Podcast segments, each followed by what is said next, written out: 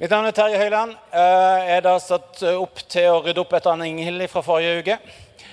Det er kjempelurt. Der var det noen som la sammen på feil måte. Det, eh, men jeg gleder meg veldig. Eh, Der ser jeg at evangelist er i sentrum. Eh, Og eh, det er jo helt naturlig at i midten av det hele så står evangelisten. Amen. Jeg tror vi må be. Takk, Jesus, for eh, ditt nærvær på dette stedet. Det er så nydelig å få lov til å være i ditt nærvær. Oi, så nydelig, Herre. At du er glad i den enkelte av oss. Du er for oss. Du er med oss. Du går aldri fra oss.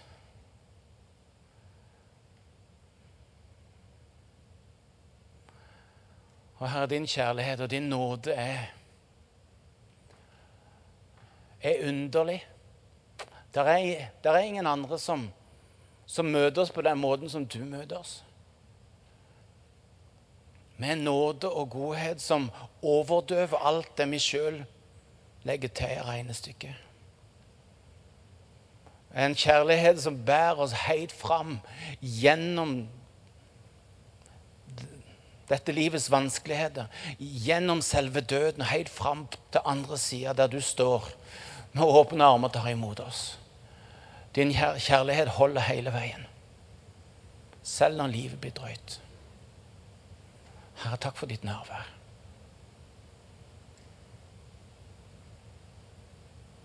Takk for at du kommer med din fred på en sånn måte at vi, vi, blir, vi blir lydhøre for hva du har for oss i kveld.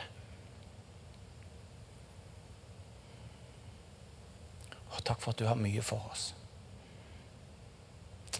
Amen. Når, eh, når vi her på IMI oppdager at vi har noe viktig å lære som menighet, så bruker vi mye tid på det. Helt til det blir, helt til det blir allemannseie. I løpet av hele denne høsten så, um, så Jeg vet ikke hvor mange uker det var, 12 eller 14, eller noe sånt, hvor vi, hvor vi går inn i Efeserbrevet 4, hvor det står om at Gud ga menigheten hyrde, lærere, evangelister, da i midten, profeter og apostler. Og, og dette kaller vi det femfoldige. Ikke enfoldige, men femfoldige. Og I dette så ligger det en slagkraft som vi mer og mer har forstått at vi ikke klarer oss uten. En slagkraft som kan forvandle familie, jobb og studiestedet når det slippes løs. Før i tida så ble det femfoldige forstått som posisjoner. Og I noen tilfeller ble det misbrukt til å kontrollere menighetsfolket. I dag forstås det som funksjoner som utfyller hverandre med det mål å bygge opp. Det er ikke noe eksklusivt for lederskapet i kirka. Men eh, det er tenkt å hjelpe hver gruppe, hver tjeneste og element i menigheten til å ta ut sitt fulle potensial. Det funker likedan i, i bedrifter, i politiske partier, i idrettslag, i rockeband og institusjoner. Til og med i countryband har jeg hørt at det funker. Amen. Jeg så, så det var noe fra Jæren i dag, så jeg ville bare nevne det. I andre sammenhenger så snakker vi om de samme tingene, men da med ordene personalbehan eh, personalbehandler, lærer, selger, analytiker og gründer. Hvordan kan du få maksimalt ut av det femfoldige? Hvordan kan du i løpet av disse ukene eh, komme i gang på en sånn måte at du får maksimalt ut av dette femfoldige? For det første, finn ut hva du er mest av. Finn ut hva du er mest av disse fem tingene. Vi er alle én og to og kanskje tre mer enn noen av de andre. Finn ut av hva du er mest av. Det kan du gjøre med å høre gjennom talene. Ligger ute på imikirka.no. Det går an å kjøpe boka og bygge en disippelkultur av Mike Breen, som er på, til, til salgs ute i, i bokhandelen og helt sikkert nede i byen. Uh, og um, Det går an også uh, snakke om det i huskirka. Hvis ikke du er med i huskirke, så er i dag en fantastisk dag å begynne i huskirke. Og som Mariann sa, ta kontakt med Heiteam etterpå og kom i gang og bli en del av huskirke. Eh, For der hjelper vi hverandre til å finne ut av hva vi er mest av. Det går an å, eh, å ta testen. Den er eh, inkludert i boka her, men det går jo an å få papirutgaven eh, helt gratis fra Heiteam etterpå. Fylle ut, og det gir deg et bilde av, av hva du er mest av. Og så begynn å bruke det. Sett det i sving. Kom på banen. Begynn å bruke det som, som Gud har lagt ned i deg. Finn muligheter her i menigheten og ut fra menigheten til å, til å bruke det som naturlig du er mest av. Hvis du er litt i tvil om, om, hvor det passer inn, og hvordan du best skal komme i gang, så ta en prat med noen av oss i staben, eller igjen, snakk med Heiteamet. En annen mulighet som er spennende, er å finne ut hva du er minst av. Hør gjennom talene. Eh, de ligger ute på imkirka.no. Snakk eh, sammen i huskirka. I dag tror jeg er en kjempegod anledning til å begynne i huskirke. Eh, og det gjør det med å snakke med de i, på heitime. Det går an å kjøpe denne her boka av Mike Breen. Uh, og finne ut hva du er, er minst av. og Der er jo inkludert test i boka. Uh, eller du kan spørre Hei-teamet om å få en papirutgave etterpå og fylle den ut og få tak i hva du er, er, er minst av. Og så begynner du å øve på det du, det du har fått minst av fra skapelsene. Det er skikkelig gøy og litt krevende litt vanskelig. Men, men det jeg minste. det kan jeg etter hvert bli ganske god på. Det er fascinerende. Jeg skårer ikke så veldig høyt på det hyrdegreia. Når hun skulle presentere noen, og ja, så tenkte jeg kanskje det er meg som skal tale med henne. Men når hun begynte å liste opp uh, ting på Thomas, så tenkte jeg ikke meg. Uh, det, det, der med hyrde, det, det, det, det, slår, eh, det, slår, ganske dårlig ut. Uh, også litt sånn um, Der jeg kommer fra liksom, Det som, som um, Folk i min verden er på en måte bare interessant så lenge de er en del av prosjektet eller en del av det jeg holder på med. Det, det er egentlig der jeg kommer fra. Alle der som er hyrde, tenker han sa ikke det høyt.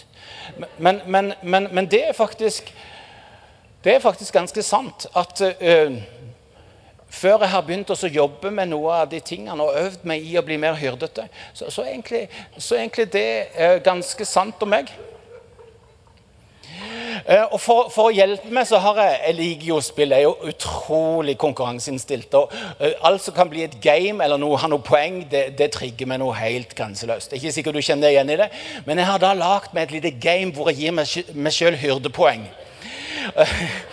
Og så og så er det sånn at for for Hvis jeg treffer en fylkesleder i Kambodsja som har mest lyst til å henge opp en knagg og kille til han dør uh, så, og isteden velge å møte det på en hyrdete måte, så, så vet teamet rundt meg at, uh, at jeg har dette greia. så liksom Når vi kommer litt for, på egen hånd, så sier du var ikke det ganske hyrdete gjort av meg? Og de sier jo, det var faktisk ganske hyrdete. Hva, hva tenker det? Er det skal vi si 125 poeng? Nei, jeg tror 75 holder, sier de. ikke sant?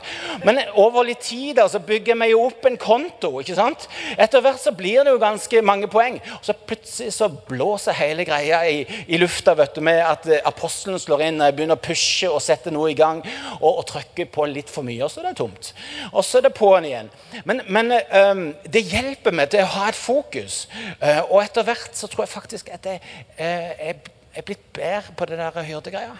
Jeg liksom har, jeg har vokst i det. Jeg syns noen kan si ammen. Ja, takk. Takk. Um, men det er det andre I forhold til å få maksimalt ut av det femfoldige. Begynn å øve på det du er minst. Lag ditt eget game, eller finn din egen måte til å ta nye steg inn i det du er minst av. Det tredje handler om å lære deg å anerkjenne de som er forskjellige fra deg. Vet du, Når vi finner måter å samarbeide på, så øker Guds rike slagkraft. Det er verdt det. Men det koster. For, for, det vil være spenning mellom f.eks. hyrden og apostelen. For dere som kjenner oss, Steve og meg, internasjonal deling, han hyrde og lærer, er apostel og evangelist. Vet du, Av og til det, det, det, det stadiet før vi faktisk har slåss med knyttneve. Det, det, det, er så tett på. Det har smelt noe inn i hampen. du. Vi har blitt kalt inn på Martins kontor. og det, Vi har gått i terapi i ti uker. og det, Jeg tuller ikke. Det, går ei kule varmt av og til. Nå har jo Stiv hatt tale tidligere og satt ord på dette, så nå tenkte jeg det var min tur. Så, men, men hvis det ikke er spenning i måten Stiv og vi går inn i en utfordring på, så har en av oss tatt et for stort steg tilbake. Og det er alvorlig. Hvordan, den spenning er ikke farlig. Spenning er en nødvendighet i det femfoldige. Spenning er noe vi ønsker å ha. og Hvis ikke det er der, så er det noe som er galt. Hvordan lever vi i spenninga? For det første så begynner vi å feire forskjelligheten. Hvorfor? Fordi det handler ikke om deg og meg, men om Guds rike. Om at jobben din, familien eller teamet ditt skal lykkes. Og når det er spenning, og det skal det som sagt være, så stopper vi. Og så feirer vi. Meg og Steve vi gjør dette her. Det, det, det, vi kjenner bare det begynner å buldre. For vi ser jo den samme tingen fra hver vår vinkel. Og, og, den er faktisk like god, men han er så utrolig forskjellig. Så det, det er som lyn og torden og hele pakka. Kald, kald luft og varm luft som kommer. Stive varm luft er kald luft. Det skjønte det, ikke sant? Og så bare boom, boom. Og, og, når vi skjønner det begynner å buldre, så sier vi ok, nå bare stopper vi. Og så, og så feirer vi at vi er på det stedet vi skal være. For når meg og han er på det beste på det der, så kommer det ut enormt mye bra. kommer ut en slagkraft som er i ferd med å forvandle verden, bokstavelig talt.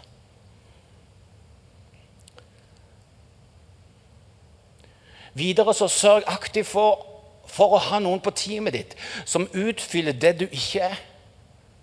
Et av de første tingene jeg var nødt til å gjøre når jeg skulle bygge noe i Kambodsja, var å få hyrdene på plass. De som kunne gå den ekstra mila. Få læreren på plass, få profeten på plass. Få evangelisten, apostelen på plass. Men sørg for å ha det som du er i liten grad av, med på teamet ditt. Og la de aldri være i tvil om hvor viktig de er for deg. Legg opp til Smash for dem, og fordel oppgaver ut fra hva den enkelte er best på. Og så etterspør hverandre. F.eks. i begynnelsen av et prosjekt eller i møte med en utfordring. Hvordan ser dette ut for deg som er profet? Hvordan ser dette ut for deg som er hyrde? Hvordan ser dette ut for du som er evangelist, profet, apostel? Hvordan ser det ut fra ditt perspektiv? Så Helt fra starten altså får vi på bordet de ulike måtene å løse det på. Du kan tro det blir en helt annen slagkraft. Og vi får muligheten til å leve i spenning og feire spenning. Da gjør vi spenning om til, opp, til, om til oppdrift. Og for dere som har hørt det, en gang til spenning gjør ikke farlig. Spenning gjør ikke farlig. Det er naturlig vis dere som kjenner mest på det. Fordi dere har sånn en deilig omsorg for folk. Og, og vil si oh, dette er krevende. Spenning gjør ikke farlig. Dette er såpass ubehagelig at det er fristende å tro at det er bedre å fungere uten apostlene og evangelistene. Men det er det altså ikke. Ikke la deg lure. Hvorfor er femfoldig team viktig å få til å fungere? Jeg har allerede nevnt noe av dette med slagkraften. Men aller viktigst er at vi har et oppdrag å fullføre. Som kirke så har vi et oppdrag å fullføre. Og Paulus sier men det at jeg forkynner evangeliet, er ikke noe jeg skryter av. Det ligger på meg som en tvang. Ved meg om jeg ikke forkynner evangeliet. 1. Korinterbrev 9,16. Han fortsetter i vers 19. Jeg har gjort meg til tjener for alle, så jeg kan vinne så mange som mulig. Og vers 22. For alle er jeg blitt alt, for på alle mulige måter å frelse noen. Vi har et oppdrag å fullføre, og vi trenger, vi trenger den femfoldige slagkraften for å nå målet. Vi trenger den femfoldige slagkraften for å fullføre oppdraget. For det andre så har vi et annet fokus enn resten av verden. Du og meg som tror på Jesus, vi har et annet fokus enn resten av verden. Vårt borgerskap er i himmelen, står det i Bibelen. Og Hanne, du må komme og hjelpe oss til å forstå hva det betyr. Det verset fra Filipperne 3,20 i 1930-oversettelse er et vers som min familie på morssida har gjort til sitt. Det står på alle gravsteinene i hele slekta, og de hadde det på veggen hjemme i huset og på kontoret der de jobba. Vårt borgerskap er i himmelen. Eh, som en hjelp til å ha fokus eh, i hverdagen, i de store tinga, i de små tinga, i møte med døden, i oppturer og nedturer. Eh, så blei det eh, en ting for de å holde fast i. Vi er ikke av denne verden. Eh, vi er bare på gjennomreise. Men vårt hjem er i himmelen. Det er der vi hører til. Vi tilhører et annerledes rike. En annerledes far, en annerledes gud og konge. Som kaller oss til å være et annerledes folk. Og som en hjelp i det fokuset i, i hverdagen, der eh, mange gode ting òg iblant kan ta plassen til det som er aller viktigst. Nydelig. Tusen takk. Gi henne en applaus, da. Vi har altså et fokus som er retta mot himmelen. Vi er på gjennomreise. Vi har et mål som handler om himmelen. Og vi trenger det femfoldige slagkraften for å holde på det fokuset. Så For det første så skal vi som menighet kunne si som Paulus at ved oss, hvis vi ikke forkynner evangeliet Det er faktisk sånn at det er Jesu Kristi kirke. Og han har definert at oppdraget, det ene oppdraget for hans kirke er å hjelpe stadig nye til å tro på ham. Ved oss som kirke. Hvis vi ikke forkynner evangeliet. Og vi trenger den femfoldige slagkraften. Så er det et fokus på, om at vi, vi, vi hører strengt tatt ikke til her. Vi er, et, vi er, fra en annen verden. Vi har vårt borgerskap, vi, vi passer vårt er knytta til et annet land, et annet sted. Og Vi trenger den femfoldige slagkraften for å holde på det fokuset. Så ikke alt dette livet som vi er en del av her, uh, tar oss på en sånn måte at vi mister fokus. Og glemmer hvor vi er på vei, og glemmer at vi egentlig bare er på gjennomreise. Og For det tredje så er vårt oppdrag lokalt, nasjonalt og globalt. Apostelens gjerning er 1,8. Og Det krever en femfoldig slagkraft som multipliserer seg, sånn at alle generasjoner og alle nasjoner blir nådd med evangeliet. I byen, i landet og i verden. Så trenger vi denne femfoldige slagkraften for å forvandle hele verden. Fra Jerusalem, som det står, og til hele verden. Det er et oppdrag når du begynner å telle litt, som krever hele det femfoldige i aksjon. På en multipliserende måte som gjør at vi forvandler hele verden. For det fjerde så er vårt oppdrag å bli med på det Gud gjør. Han som vil at alle mennesker skal bli frelst, ifølge 1. Timoteus 2,7. Og da trengs alle mann på dekk. Som Ann Ingel så glimrende sa det forrige søndag. Hvis du er hyrde, hvordan ser det da ut å være evangelist? Hvis du er profet, hva kan du som profet bidra med i evangelistoppdraget? Hvis du er lærer, hva kan du bidra med i evangelistoppdraget? Vi har et oppdrag sammen fra ulike vinkler. Så er det noe om, om fundamentet for kirkas oppdrag, hvor Guds ord sier at her er det ingen forskjell. For alle har synda og mangler Guds herlighet. Romerne 3, 23. Og om Jesus så sier Johannes 1, 12, at alle som tok imot ham, dem ga han rett til å bli Guds barn, de som tror på hans navn. Dette er fundamentet for dette oppdraget som er vårt. Dette er fundamentet for kirkas oppdrag. Og ja, og ja, de som ikke tror på Jesus, går fortapt. Det var derfor Jesus måtte dø. Fordi vi alle var i ferd med å gå glipp av himmelen. Så ja, det fins et helvete. Og det fins ennå en mulighet for å havne der. Å si som en ofte hører, at hvis Gud virkelig er god og kjærlig, så sender han ingen til helvete. Det er en gedigen villfarelse, folkens. For Gud sender ingen der. Vi var alle på vei dit fordi vi ikke ville ha noe med en kjærlig Gud å gjøre. På tross av vår trass døde Gud på korset for å gi de som vil, en reell sjanse til å bli redda. Jesu kirke er derfor opptatt av én en eneste ting. Hjelpe stadig flere til å finne veien hjem til Gud. En gang til. Jesu kirke er derfor opptatt av én en eneste ting. Hjelper stadig flere til å finne veien hjem til Gud. Dette er altså Jesu Kristi kirke. Han har definert oppdraget. Hvis vi som menighet velger et annet oppdrag, så velger vi samtidig å tre ut av det å være Jesu Kristi kirke. Det er hans kirke, og han har definert hva oppdraget er.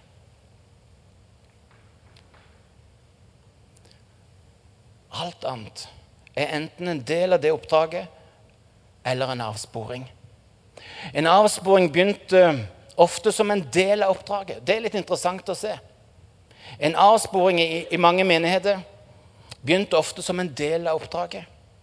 Det skulle være forsyningslinjer til fronten, eller feltsykehuset for de årene, eller det strategiske senter for kampen, eller utspioneringer av fienden osv. Avgjørende viktig alt dette her, siden oppdraget tar tid, kostnaden kan bli høy og drøy, og fordi oppdraget ikke er frelse, men disipler som gjør disipler, som gjør disipler, som gjør disipler, som gjør disipler, som gjør disipler. Så var alt dette en del av oppdraget og utrolig viktig. Men problemet ble når feltsykehuset um, løsrev seg fra selve oppdraget og begynte å fungere som et omsorgssenter. Helt på egen basis. Når det ble glipp mellom selve oppdraget og forsyningsdelen, så begynte det en avsporing. Da hjelpefunksjonene ble hovedfunksjon, så begynte det en avsporing. Avsporinga skjedde også da det ble sprik i lagdelene. Enten fordi evangelistene glemte at de trengte å vende hjem til familien overvinne rastløsheten og forbli knytta til resten av laget. En, en, spiss i fotball som bare ligger foran for å skåre mål, som ikke er med tilbake for å hjelpe resten av laget. Han spiller på United Nei, uh, han, han går altfor ofte i offside. Det var det som sto. Han går altfor ofte i offside. Og jeg gjør en utrolig dårlig jobb som, som angriper. For han mister kontakten med resten av laget. Mange evangelister hevder at vi bruker altfor mye tid innenfor kirkas fire vegger. Mulig de har noe rett i det. Men det tragiske er når evangelistene lar en sånn tenkning lure de til å ikke trenge resten av sin femfoldige familie.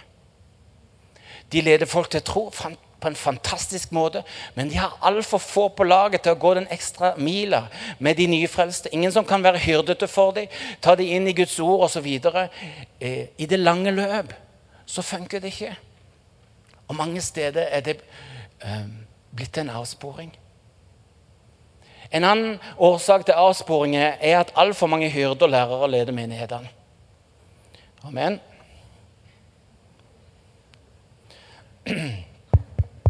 En annen årsak til avsporing er at altfor mange hyrder lærere leder menigheten. Da de innførte menighetsråd og komité for ditt og datt som skal ta avgjørelser for menighetens fremdrift, tror jeg problemene begynte. For de som kunne ha gitt bilde av fremdrift, de orker ikke å sitte på langtrekkelige møter. Jeg har prøvd. Det vrenger seg inni meg. Uff. Det som kunne vært avgjort på fem minutter, tok tre måneder. Da var momentum vi hadde på sakskartet, for lengst passert. Og all energi som trengtes for å starte opp noe nytt, var fordampa i varmen fra alle detaljinnvendingene.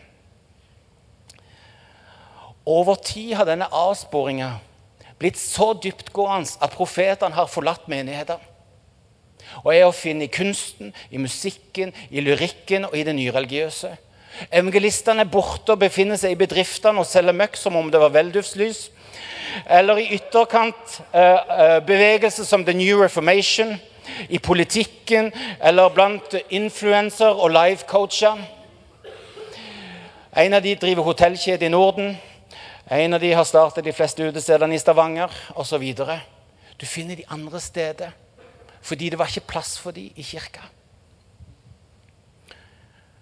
Apostlene finner du i ferd med å starte opp nye bedrifter, organisasjoner eller tiltak. Et av mine store forbilder er Øystein Garcia de Presno. Først så etablerte han halv internasjonal skole i regiskolelaget. Eh, så gründa han Strømmestiftelsen, en av de største bistandsorganisasjonene i Norge. Uten at jeg har satt, satt, meg så veldig mye inn i det, så ser det ut som om de som han innsatte i hyrde- og lærerfunksjoner, ikke forsto viktigheten med å ha apostelfunksjonen med seg videre. Øystein trakk seg da ut, men guess what? Ikke lenge etterpå så gründa han en ny organisasjon som basert på Hans Nilsen Hauge sin tenkning etablerte en helhetlig ledertrening i noen av de største slummene i Afrika. Men i menigheten hvor Øystein har bodd i alle disse årene, er det mye vanskeligere å se spor av at de har hatt en sånn gründer og evangelist i sin midte. Så håper jeg at jeg ikke har 100 oversikt, eh, men jeg sliter med å se at det er så utrolig mye spor etter at de har hatt en sånn vanvittig gründer i sin midte i alle disse 30 årene. Positivt sett så er det verdt å merke seg at fordi IMI-bevegelsen har gitt rom for profetene, apostlene og evangelistene, så, så har vi f.eks. sett Impuls vokse til en massiv ungdomsbevegelse som siden år 2000 har istandsatt ungdommer i mange land til å leve ut sin tro som disipler av Jesus. Vi har sett Hope for Justice vokse til å bli en viktig faktor i kampen mot menneskehandel i Norge. Vi har vært toneangivende da flyktningstrømmen økte noe i 2015-16. Eh, vi gründa rettferdighet i asylpolitikken da myndighetene i 2011-2012 eh, tok eh, fra de lengeventende skattekortet. Vi starta Språkskolen, som på tiende året nå gir nyankomne mulighet til å lære seg språk. Vi har satt i gang en skolebevegelse gjennom KF Norge, og vi har satt i gang en godhetsbevegelse bevegelse gjennom Godhet Norge osv. osv. Det er verdt å merke seg at, um, at, at her på huset så, så har han våget å gi rom for det. Og det er verdt det, når du ser hva det har fått lov til å føre til. Når vi slipper det femfoldige fri, så får det en slagkraft som det, noe av dette er vitnesbyrd om. Vanvittig, vanvittig inspirerende. Jeg kunne ha fortsatt, men, men la det være et vitnesbyrd om hvorfor det femfoldige gir en helt annen slagkraft for Guds rike enn når vi blir sporet av til å drive hver for oss. Internasjonal her på huset er, er, såpass stort at det kunne etablert seg som et, et forholdsvis stort misjonsselskap i norsk historie. Men jeg tror den dagen en drifter vekk fra lokalmenigheten, drifter vekk fra tilgangen til det femfoldige, så er det begynnelsen på slutten. Så er det begynnelsen på slutten. Men når det får lov til å henge sammen, når det femfoldige får lov til å slippes løs i hele sin bredde, alle fem, så er dette noen av vitnesbyrdene om hva som er mulig. Samtidig er jeg overbevist om at Imi-kirka ikke hadde vært det den er i dag, uten at f.eks. hyrdene fikk bety mye inn i evangelistenes og apostlenes fremadstormende driv. Enormt viktig. Enormt viktig. Nøkkelen ser ut til å være at evangelistene, apostlene og profetene i større grad meisler ut veien å gå, mens hyrdene og lærerne sikrer at vi lykkes med oppdraget på best mulig måte. Jeg for min del er flink til å se elva som må krysses, men trenger hjelp til å finne fram til steinene som vi kan trø på, for å få hele teamet trygt over. Gir det mening? Derfor er det et stort alvor i at mye av menighetene rundt om i landet vårt er satt opp på en sånn måte som bare hyrder og lærere kan trives med. Om du som hører på dette på, på podkast, vil teste menigheten din, så kan det være nyttig å, å finne fram til navn i menigheten din som er profet, evangelist og aposteltype. Hvem er de? Hva heter de? Og hvilken funksjon er de gitt i og ut fra menigheten? Hvis apostlene bare er innom eller ikke gitt store nok utfordringer, så er det et tidsspørsmål før menigheten har mista dem. Hvis få blir frelst ut fra menigheten, er det grunn til å tro at evangelistene mangler som drivkraft til å hjelpe resten av oss ut, sånn at mange blir frelst. Noen ganger så hører du kristenledere si at tall ikke er så viktig. For noe spøyt. It's all about numbers. Amen. It's all about numbers. Det, vet du hva? Det er himmelvid forskjell på om 3-4 blir redda fra helvete, eller om 3-4000 blir gitt tilgang til et liv med Gud. Det er himmelvid forskjell. Klart at tall teller. Gud har lagt lista på at han vil at alle skal bli frelst. How dare you, som Greta Thunberg ville ha sagt det. En dag møtte jeg en utenlandsk misjonær i, i Kambodsja. Jeg delte begeistra om hva Gud nettopp hadde gjort i nabofylket. Bare i, i, går, for to dager siden, i løpet av to dager, så, så sa tusen ja til Jesus. Det lynte trolig av begeistring i mine evangelistøyne. Litt sånn overraska ble jeg når han sa å nei, 300 hadde vært mer enn nok.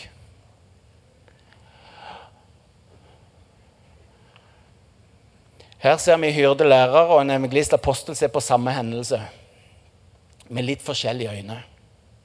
Det er flere mulige tolkninger og løsninger på, på, på denne historien. Som evangelist så er et sånn utsagn vranglære.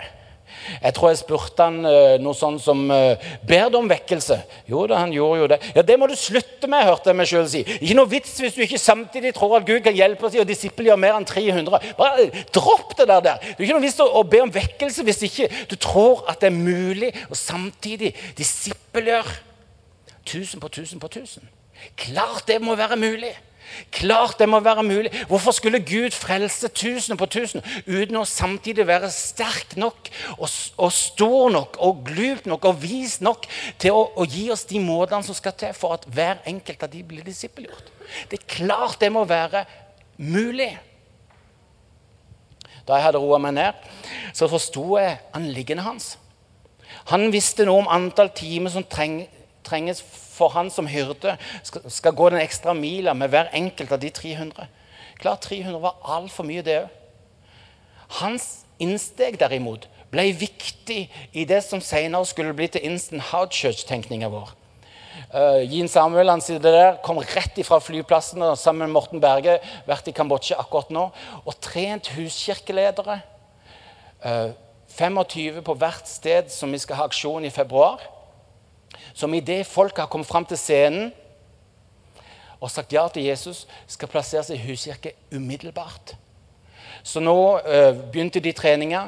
Så skal teamet tilbake i november, tilbake i januar, og så kommer aksjonen i februar. Sånn at de er klar til å sette seg ned med et par hundre fra sin landsby og, og, bare dele det inn i huskirke og starte en form for huskirke som vi har fått lov til å utvikle, som er rask å lære og drive og gi videre, som er perfekt for vekkelse, men som samtidig lar nykristne bli disipler av Jesus.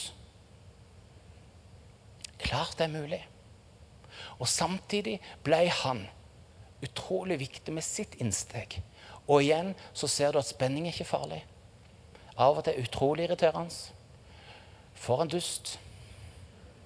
Men du verden for, for en visdom du kan få fra de som stiller krevende spørsmål. Enormt mye av det vi har gjort i Kambodsja, kommer ut fra krevende spørsmål fra folk som egentlig var litt utrygge på det som skjedde. Skal det bli, bare bli opprekte hender? Nei, det skal bli disipler. det. Men det, det, begynner ut fra å ta på alvor innspillene fra de andre i det femfoldige. Det er utrolig gull. Og ikke la seg provosere, i hvert fall ikke så lenge, men å ta det inn. La oss, eh, etter å ha sett litt på vitsen med det hele Hvorfor bruker vi så lang tid på det femfoldige? La oss, la oss gi noen bilder av, av, hvordan det ser ut å være evangelist. Jeg har valgt å tale dette som evangelist for å samtidig gi det et bilde av meg som selger. Eh, jeg har trykt på og, og, og, gjort det med vilje og står for alt. Om jeg så skulle bli kalt inn på Ellingskontoret i, i morgen, så, så, Men jeg har trykt på, og det har samtidig gitt et bilde av hvordan det er å være evangelist. Jeg er apostel og evangelist, som jeg sa. Og min måte å være evangelist på vil jo da prege seg av at jeg samtidig er aposteltype. Og for meg, så Noe av det, det gjeveste jeg kan se for meg, er å istandsette andre, andre ledere, andre kristne, på en sånn måte at så mange som mulig blir frelst. Fordi jeg kan lede noen tusen til tro, men hvis jeg får istandsatt ti andre til å gjøre det samme, så blir jo det en helt annen historie. Og hvis de settes opp for å trene sine ledere i nye ledd og generasjoner, så snakker vi forvandlet land. Ikke sant? Så, så, så det er en av de måtene min type evangelist kommer ut på. Det å få lov til å sette opp prosjekt hvor så mange som mulig kommer til å tro. Og Det beste jeg vet, er når folk sier ja til Jesus eh, dåpsvideo. Vet du, Det er nesten så jeg angrer på at jeg ble født lutheraner. Jeg syns det er så deilig med voksendåp. Takk og lov at det er en del som ikke ble døpt som de Ja, nei, altså I en Luther-sammenheng eh, får komme inn og, og, Men uansett. Eh, det sto ikke i manus og alt det der. Men, men i hvert fall eh, Det å få lov til å se både barn og voksne eh, gå under vannet, begraves med Kristus og, og, stå opp med Kristus og få et nytt liv. Jeg sitter og griner hver gang jeg ser de der uh, dåpsvideoene fra rundt forbi verden. De er det sterkeste jeg kan tenke meg. Jeg blir heftig begeistra både på innsida og utsida. Husker jeg, jeg satt sammen med Leif Hetland en av de første gangene han var her, og han viste bilder og video fra, fra Pakistan der han sto foran hundretusenvis av, av, folk og fikk lov til å forkynne evangeliet. Og jeg bare satt og gråt og gråt, og gråt, og Gud skapte bilde og, og, lengsel og sult i meg. Og så, så, husker jeg Leif sier 'Oi, ikke trø utfor kanten', sa Leif. Nei da. Eh, en dag, sa han, en dag så skal du få lov til å stå foran 100 000 og, og preke evangeliet. Og jeg, kom an, Nydelig. Halleluja. Kom igjen. Bring it on. Um, og så øve. Og så går jeg et steg av gangen og får lov til å venne meg til stadig flere som står og hører. Jeg har lagd en, en kort filmsnutt som, av noe av det som Gud har tatt meg med på de siste årene. Se her på skjermen.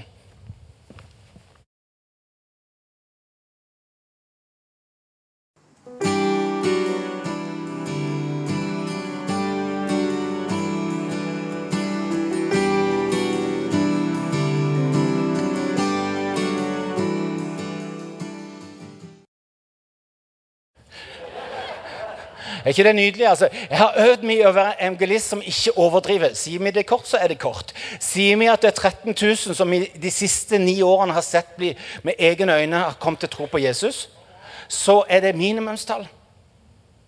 For det er utrolig viktig for meg å øve meg i og, legge tallene mye ned. For du tror og tenker at evangelister legger på. Så jeg har helt fra begynnelsen bare lagt meg under. Så når folk sier ja, er ikke det litt mange, kan det være det riktige tallet, så pleier jeg si du har helt rett, det er ikke det riktige tallet. Det riktige tallet er mye høyere, men vi velger å være litt nøkterne. Så 13 000 er et nøkternt tall.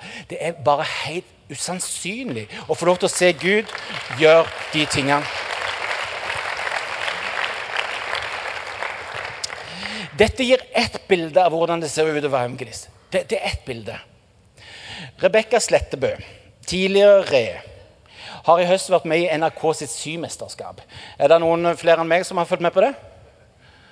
Det er liksom morsomt, vet du, for å liksom sitte i en eller annen styre eller et eller annet sånn greie og så si du, så da siste episoden av Symesterskap? Og de, folk tenker Hva i all verden var det du sa? Her, her skal du få lov til å se hvorfor jeg er så begeistra for Symesterskapet.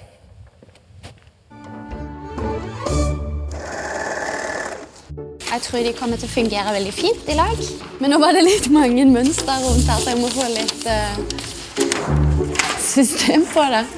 Jeg er jo sjøl døypt og jeg er jo kristen, så jeg ser jo på det som en sånn stor, stor greie. Vi er ei bibelgruppe med noen venner, så jeg har, mange, jeg har et nettverk der det er mange andre av oss er kristne. Og det syns jeg er veldig godt da, å kunne, kunne, dele det som jeg tror med noen andre òg. Ha ei tro er veldig viktig for, for, meg å ha ei tro som kan hjelpe deg i, i livet. Så det er sånn jeg syns er godt å kunne ha et håp. Så hvis det er folk som konkret vet at det er noe vi skal bedt for, så gjør vi det. Ikke noe spesielt. At, Rebe at Rebekka skal vinne Symesterskapet? Det er sånn Det er ikke det juks, da. Du holder på å ta utdanning, du. Mm. til sosionom. Ja. Så hva er drømmejobben din, da? Drømmejobben min tror jeg egentlig må være å jobbe med syprosjektet i Kambodsja. I just talked to uh, Chaya about the new sewing machine that we need. På reisa i Kambodsja opplevde Rebekka fattigdom på nært hold. Jeg så på en måte et behov for at folk kunne få et håndverk så de kunne tjene penger sjøl. Så da spurte jeg eh, menigheten som jeg går i hjemme, om de ville samle inn penger til å kjøpe symaskiner. Og så tok jeg og samla fire jenter og hadde sykurs for dem. Og nå har de jentene egne sykurs. Så nå sender de ting til meg, og jeg selger de på den nettsida vår som vi har lagd. Chivet betyr liv på khmer. Så det er litt sånn vi håper at når folk lærer seg å sy, så har de nye muligheter, nytt liv. Rebekka er en veldig verdig vinner. Hun eh, kombinerer det som tekniske med design, og det er derfor hun eh, vant. Hun har jo vært stødig god hele tiden, og i tillegg hatt en kjempespennende utvikling. Yngste vinneren av symesterskapet noensinne, så Rebekka er til stor inspirasjon. Skål for deg. Skål!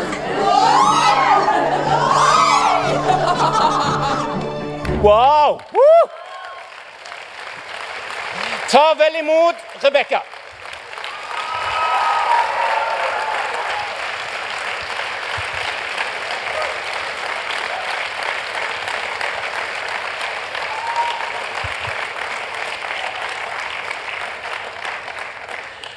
Fortell oss litt hvordan du klarte å være en så tydelig kristen. Eh, ja, det, jeg husker når vi begynte For vi har hatt litt sånn oppfølging med psykolog og sånt når vi begynte den hele prosessen med å melde oss på. Eh, og da husker jeg at eh, i starten av programmet så sa han psykologen at eh, med å være med på et sånt TV-program, så kommer du til å bli sjølopptatt. Du kommer til å tenke på deg sjøl, og du kommer til å være viktig. Og jeg husker når han sa det, så ble det liksom sånn der Nei, fillen ta, det, skal, det stemmer ikke. Det skal ikke skje.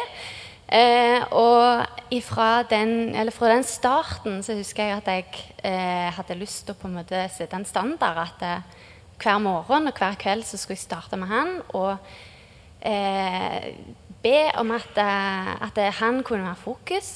Og også avslutte med takknemlighet for alt som vi fikk være med på der nede. Jeg hadde mye sånn, samtaler med både mamma og mannen min hjemme. At jeg ble påminnet om ja, har du brukt tid i lag med Gud, og har du ja, liksom ha et sånt fokus. For det, at det, det er, en blir selv opptatt, og det er, er menneskelig òg. Men det betyr ikke at det, det, trenger å være sånn. Wow. Hæ? Enten så må dere klappe, eller så må dere la være.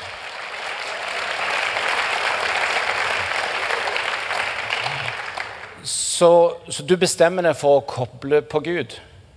Og, og noe av det vi ser her, er jo, er jo tydelig vitnesbyrde hvor du egentlig bruker hver eneste anledning. Hvordan Hvordan vågte du det? Altså, Hvorfor gjorde du det? liksom? Um ja, sier det. Jeg tenker jo at det er litt sånn det som Altså, det hjertet er fullt av, det er det som kommer ut. Og når en da bruker tid, så vil det på en måte Det vil komme ut. Og eh, litt sånn der at en det er jo det en har lyst til å snakke om, for det er viktig.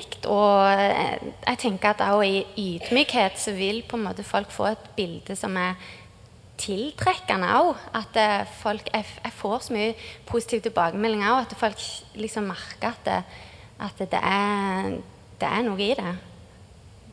Fantastisk. Tusen takk skal du ha.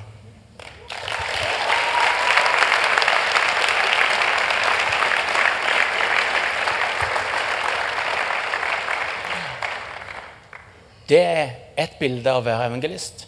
Og hun gjorde altså et bevisst valg på på å dele det viktigste når sjansen bøy seg. Satt og, og, og sydde dåpskjole, og det var jo en, en, helt naturlig anledning til å snakke om sin egen dåp og sin egen tro. Men for å få det til, så, så gjorde vi et valg hvor hun sørga for å være påkobla på Gud. Og jeg, når jeg, Vi snakket litt uh, tidligere i uka, og når, når, jeg, når, jeg, så det og, og tenkte Wow! der er det noe. Sørge for å være påkobla på Gud for å kunne gjøre de bevisste valgene når muligheten byr seg. Du inspirerer noe helt sinnssvakt, Rebekka, på en så naturlig måte. Anne Ingil eh, underviste forrige søndag om samme tema og sa at det var, det var utadgående evangelister, og så har vi inviterende evangelister. Ofte vil de siste være gode til å gi én etter én et møte med Jesus. Philip i Bibelen er et godt eksempel på det. I møte med den etiopiske hoffmannen så sier han 'Forstår du hva du leser?' Han var tett på, og så fikk han lede han til tro ut fra den erfaring som han hadde gjort med Jesus. Og I dag har f.eks. mange muslimer drømmer om Jesus. Her trengs det inviterende evangelister som, som, som er nær, og som kan spørre forstår du hva du drømte. I dag er det altfor mange muslimer som går alene med den drømmen som de hadde av Jesus. Som ikke har anelse om hvem de egentlig drømte om. Men det var så attraktivt, det de så i den drømmen. Og alt de lengter etter, egentlig, er noen som er nær nok til å si Forstår du hva du drømte? Det er òg et bilde av å være evangelist. Per Henrik, du må komme. Per Henrik er sammen med Einar Martin og teamet i Busskirka på torget natt til lørdag. Hvordan ser det ut når du er evangelist, Per Henrik? Ja. Nei, eh, jeg føler at eh, har, Gud har lagt en nød i hjertet mitt etter at folk skal bli frelst, at folk skal få kjenne Gud og en kjærlighet til, til mennesker. Eh, så for meg så er det viktig å nå ut til mennesker, og spesielt de som ikke kjenner Gud. Og eh, For meg, for meg selv, Det er jo mange måter du kan bruke til å nå ut, men for meg sjøl bruker jeg eh, evangeliet og forkynner de gode nyhetene på en så enkel måte som mulig, så de kan skjønne hva det dreier seg om. Og så, eh, når det, sjansen byr seg, og du ser at det er rett tid for det, å lede folk til tro på Jesus. Så det føler jeg òg viktig. At det er viktig, viktig med oppfølging og sånn. Men det er òg viktig å bruke de mulighetene du har til å kunne fortelle de gode nyhetene, evangeliet til folk. Og når du får sjansen, og når du ser at muligheten er inne, så er det viktig å, å kunne lede dem til Jesus, så de kan ta imot Jesus. Så Gud han har strekt ut sin arm, og han eh, lengter etter å dra oss opp til, nær til seg og opp til seg. Fantastisk. Gi, gi han en kjempeapplaus.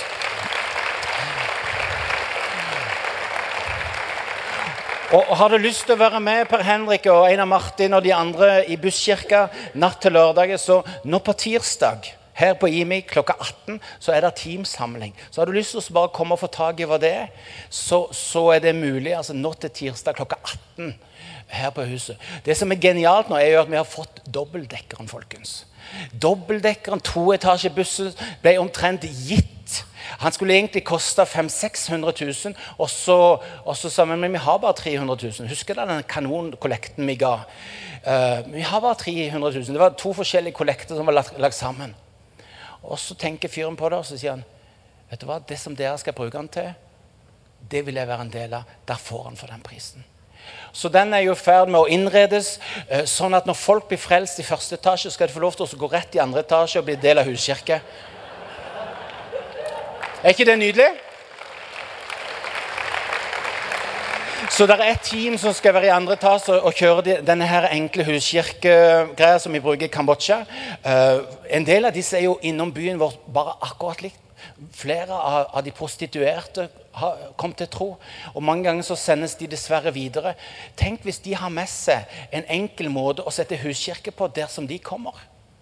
Så dermed så, så inviteres de inn i dette, alle de som, som vil, eh, og så kommer til tro i andre etasje. Og så nede får de lov til å bli bedt for, få en kopp kaffe og en god prat. Har du lyst til å være en del av det, så tirsdag klokka 18 kan du være med Per Henrik. Jeg synes noe av det, Før jeg skal prøve å lande dette her uh, Noe av det som Per Henrik og en del av de andre evangelistene her på huset uh, modellerer på en måte som, som er helt vanvittig, det er at med den driven som de har innabords, så, så velger de allikevel å sitte ned i familien. Og komme igjen og igjen, sitte på gudstjenesten. Selv om de av og til tenker at enda et møte, enda en konferanse. Hvor mange møter skal vi ha før vi skal lede folk til tro? Og Så velger Per Henrik og en del av de andre evangelistene å, overvinne den rastløsheten. Som, du har ikke anelse hvis ikke du er i kategorien, så du har ikke anelse hvordan det røsker i deg, og hvor, uh, hvor um, uh, forgjeves av og til det er å ha så mye rastløshet inni deg. Det, det er så tøft.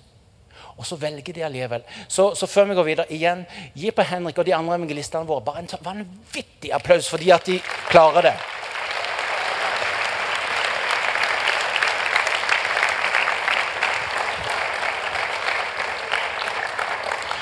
Og så, så til, til slutt så må vi lande i det helt praktiske. Hvordan kan vi som, som hele IMI-bevegelse, hele IMI-familie, hele kirka i Norge Hvordan kan vi komme i gang med å koble folk med Jesus? Håkon, du må komme og hjelpe oss litt. Så helt praktisk, hvordan komme i gang med å koble folk til Jesus? Hva, hvordan gjør du det? Oh, det var heftig, det med bussen. Det hadde jeg ikke fått, uh, fått vite. Det var, jeg, jeg, ble litt sånn satt ut. Jeg hadde egentlig tenkt hva jeg skulle si. Men uh, uh, det er så gøy. Eh, jeg i mitt travle liv har kokt det ned til bl.a. to ting. Og det er hei, og det er vitnesbyrd. Det jeg legger i hei, er at hvis jeg får blikkontakt med en person på butikken, på jobben, hva det er, så smiler jeg. Og det skjer så utrolig mye i deg og i vedkommende når det er et smil. Og det å bruke litt ekstra tid, og kanskje komme litt seint hjem eller et eller annet Bruke litt tid og stoppe opp.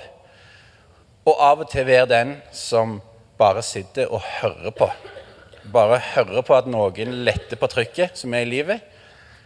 Det kan være forløsende for mye. Det var bl.a. det som gjorde at jeg kom til tro. Jeg hadde ei tålmodig farmor som kunne høre på livet mitt, og det dytta meg jo retning Jesus. Eh, spørsmålet og, eh, Mitt favorittspørsmål når jeg er i de samtalene, er hva er det som hindrer deg fra å tro? Og når du får svar på det, da, da har du det gående. Det, det, er så gøy. når du, ja men, det, ja, men det, er jo sånn. Altså, så er du i gang. Det andre er vitnesbyrd. Del vitnesbyrd så det ljomer. Det det er så enkelt, for det ligger en på hjertet. Og det er noe du har opplevd, og det er nært. Og et eksempel. Eh, jeg var miljøarbeider på en skole. Så sitter jeg i fellesområdet, og så kommer det en elev som har eh, gips og ikke så god i foten. Og så spør jeg oi, hva er det som har skjedd. Nei, hun hadde snubla ned trappa i Fodel på lørdag. Og dette var tirsdag. Så hun var ikke så god. Og så hadde hun veldig lyst til å trene. Og så sier jeg at jeg er kristen. og her om dagen så ba jeg for ei jente som hadde veldig vondt i foten, og hun ble helt frisk. Har du lyst til at jeg skal be for deg? Jeg er ikke liksom Supermann, men jeg, jeg er glad i å be. Og så sier hun ja. Og så ber vi én gang, og så ber vi to ganger. Og så sier hun ja, jeg ble litt sånn varm i foten, men that's it. Og så dagen etterpå så får jeg en melding av hun. Da har hun vært hos legen sin. Og hun og legen forstår ingenting. For nå er hun på trening og er fullt i trening. Så det er jo så kult.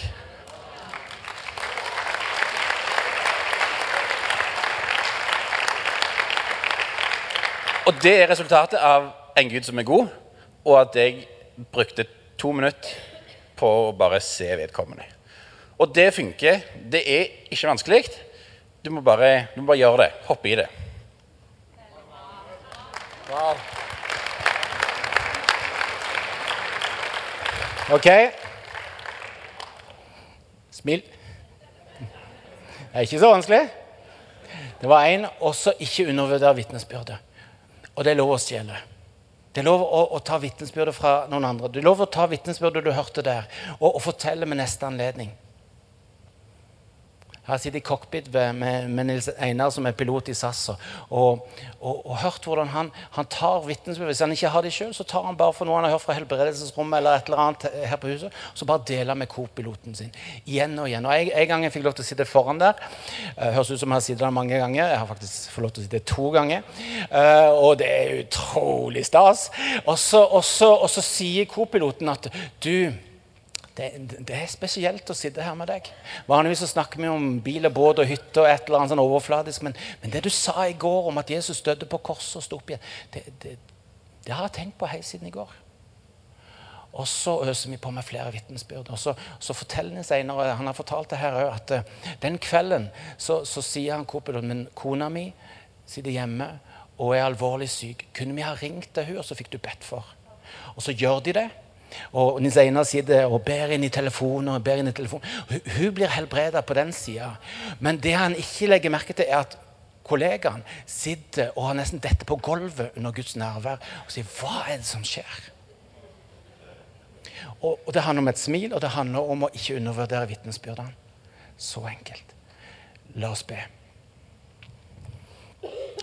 Takk, Herre Jesus, for at vi har evangelister iblant oss. Takk for Frode, som sitter der bak. Takk for uh, hver enkelt av evangelistene som er her, og som er på G11. Takk for hver eneste en som gjenkjenner at de, de er evangelister på en eller annen måte. For Rebekka, for, eh, for, de ulike formene for evangelister iblant oss. Takk for hver enkelt av dem. Hvilken drivkraft de er, og inspirasjon de er for oss. Som trekker oss ut i å få lov til å se stadig flere vende hjem til Jesus. Og så, Herre, så, så må du hjelpe alle oss andre til å henge oss på. Til å smile, til å si hei. Til å ikke undervurdere vitnesbyrd, men, men, men dele ut det vi har hørt og sett at du har gjort. Og Herre, vi ønsker at hver eneste en skal få sjansen til å ikke gå fortapt, men få evig liv. Få lov til å bli redda av deg som døde på korset, og som sto opp igjen. Vi ønsker å se hver eneste en i familien vår. Det, det, er, det er så tøft, Herre, med de i familien vår som, som ennå ikke tror, men vi legger de fram for deg igjen, Herre. Og vi ønsker at du skal få lov til å berøre hjertet på en sånn måte at de kommer til å tro, Herre. Og så må du få lov til å sette oss opp for muligheter. Koble oss på, Herre, som Rebekka kobla seg på deg. La oss koble oss på deg på en sånn måte at det hjertet fylt av det flommer det over.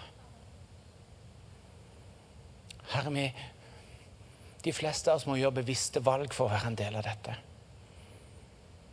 Og i hjertet vårt så gjør mange av oss det nå.